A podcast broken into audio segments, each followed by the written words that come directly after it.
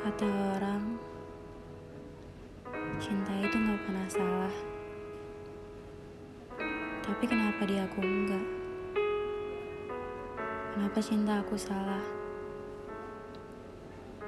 Waktu itu memang benar aku yang salah jalan karena tiba-tiba aku menghilang tanpa kabar. Setelah kamu bilang kamu terlanjur nyaman sama aku. Ya memang sudah jelas, aku yang salah. Padahal maksudku menghilang bukan karena aku mau ninggalin kamu.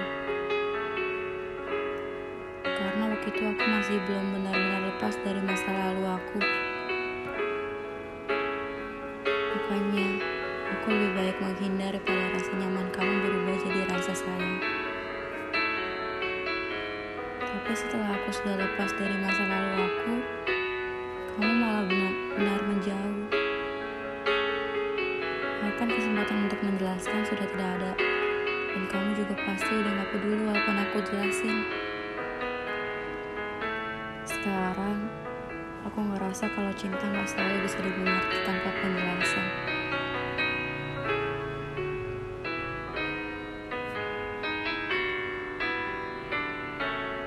Maaf ya, aku egois.